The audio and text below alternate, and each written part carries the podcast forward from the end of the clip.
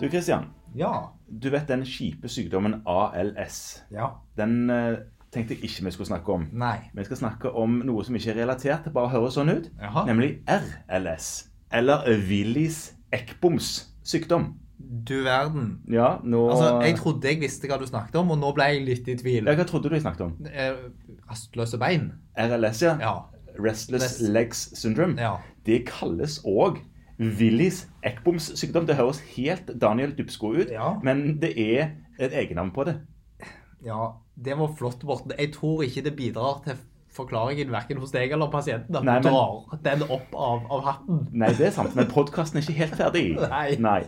Men Hva er dette for noe? Willis Eckboms sykdom, var det det du sa det heter? Willi, eh, Willis Eckboms sykdom, ja. Ja, altså Det er jo egentlig en deskriptiv tilstand. Vi har ikke helt kontroll på hvorfor det blir sånn. Nei, men jeg har uro i beinene. Ja, og, og det er noen ganske sånn klare kriterier for det. For hva det er som skal til for at det er det. Ja, men dette er jo noe folk kommer og sier. Du, jeg har så urolige bein, spesielt om natten. Jeg får ikke sove, jeg ligger bare og vrir på meg. Og, Ja, og og det er ganske vanlig. Altså, prevalensen er, I Norge så er prevalensen blant voksne oppi til 14 blant kvinner og 6 blant menn.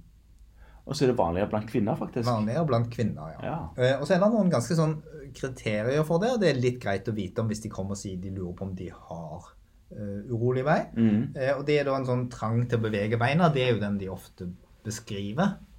Og at eh, det forverres ved hvile og inaktivitet. Mhm. Eh, det er typisk helst om natten. Ja, ikke sant? typisk det. Ja. Det er jo der en hviler og er inaktiv. Merker det egentlig. ikke når en går, det ligger jo i det. Og så skal det da forsvinne når man, når man begynner å bevege på beina. Ja. Og det er jo det disse pasientene gjør. De står opp og begynner å gå rundt. Ja. Til sin egen og andres fortvilelse. Mhm. Og strengt tatt for å få denne diagnosen, så skal det kun være om kvelden og natten. OK. Ja vel. Eller vesentlig forverres om kvelden, kvelden og natten. Så det skal ikke være likt gjennom døgnet. Nei. Da må du tenke at det er noe annet. Og så skal det ikke kunne forklares med noe annet. Og deri ligger det jo at det er en eksklusjonsdiagnose. Mhm. Det fins jo noen differensialdiagnoser her.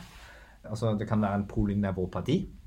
Ja, du kan vel òg ha litt sånn redusert blodflow, altså at det er en iskjemisk sak. En iskjemisk sak, ja. Eh, Og det kan ha, være en bivirkning av medisiner. Mhm. Det går an å få legemiddelbivirkninger som gir dette. Ja.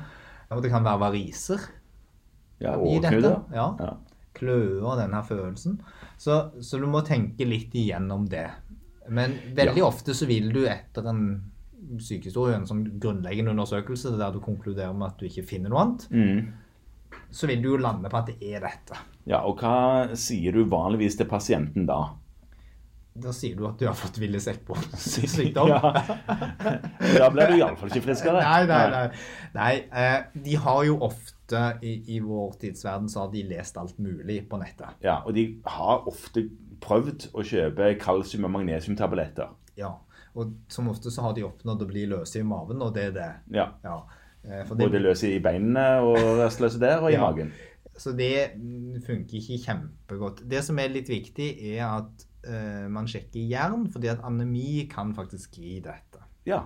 Der er det jo kommet litt nye ting, som vi kanskje snakker om en annen gang. Men der, der er, altså, selv disse som ligger med noenlunde normal HB, men veldig lav ferritin, ja. de kan med fordel behandles litt opp. At de ligger litt hø- hvor- Har du noe Hvor høy bør de være i ferritin? Nei, altså pff, I hvert fall over 50. Ja. Ja. Eh, Kanskje til og med Eh, enda Kanskje litt nær- høyere? Kanskje enda litt høyere. Sånn at eh, jeg tenker at hvis du har noen som har dette, og tar du jo ofte litt blodprøver av dem for å sjekke Ja. elektrolytter, HV Mm. og ferritin, ja.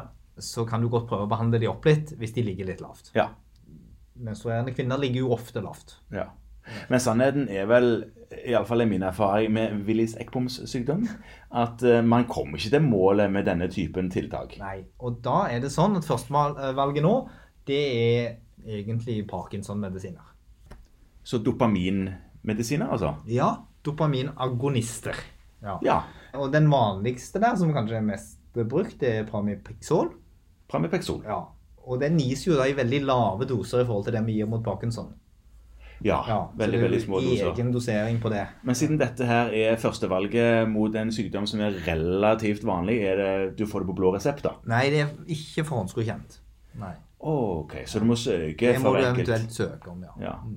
Og det virker ganske fort, og pasientene, mange pasienter opplever god effekt av det. Ja. Så det er på en måte stedet å begynne etter en sånn del sånn der, eh, at du har gjort utredningen din, funnet at det ikke er noe annet, og gitt litt sånn generelle råd, som pasientene jo svært ofte har funnet ut av helt sjøl. ja. Det er jo sånne ting som at prøve å holde seg fysisk aktiv, det å ha god blodsirkulasjon er en god ting, ja. unngå for mye koffein om kvelden kanskje, Ja, så her har vi de generelle rådene. De Ja, generelle altså, rådene. ja, for mye kaffein og koffein og kaffe og cola og energidrikker og sånne ting, det er jo bare med på å gjøre en rastløs i hele kroppen. ja da. Ja. Hvis det ikke funker med det, så går det an å prøve Ropinirol, som også er en, en eh, dopaminagonist. Og ja, ok, så det er en rekkefølge på hvilke Ja. dopaminagonister en kan, eh, kan forsøke seg på? eh, det er ofte den rekkefølgen det blir gjort, i hvert fall. Ja, ok. Eh, og så er det jo gjort forsøk med antiepileptika. Altså til, til disse, altså gabapentin og pregabalin, som er Å ja. kjente stoffer. ja. Men der er det ikke helt konkludert ennå, eller? Nei, det går an å prøve. De er jo også befengt med ganske mye bivirkninger. Ja.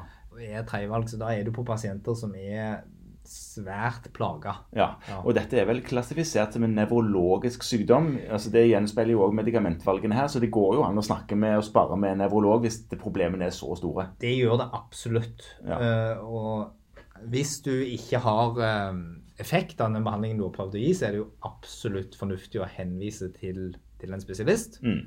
og da i nevrologi. Ja, Ja. OK, så det er RLS, altså, eller Willis Eckboms sykdom. Det er det. Ja.